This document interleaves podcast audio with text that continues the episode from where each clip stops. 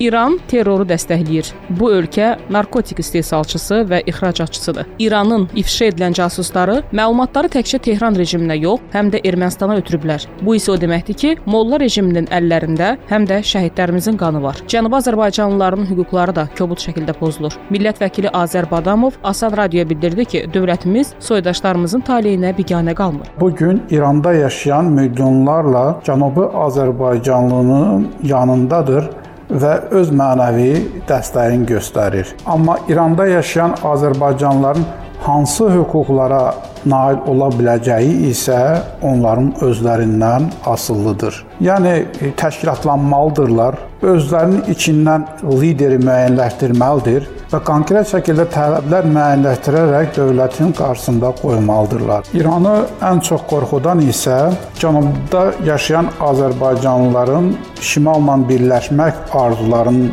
istəməsidir. Hesab edirəm ki, nə vaxtsa cənubla şimal qovuşacaq.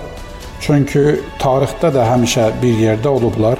Müəyyən maraqların özündən bir-birimizdən ayrı düşmüşük. Hesab edirəm ki, yenidən biz qovuşacağıq.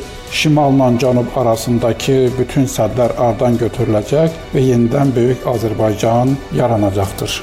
Necə deyərlər, Arazın o tayı da, bu tayda mənim doğma el obamdır.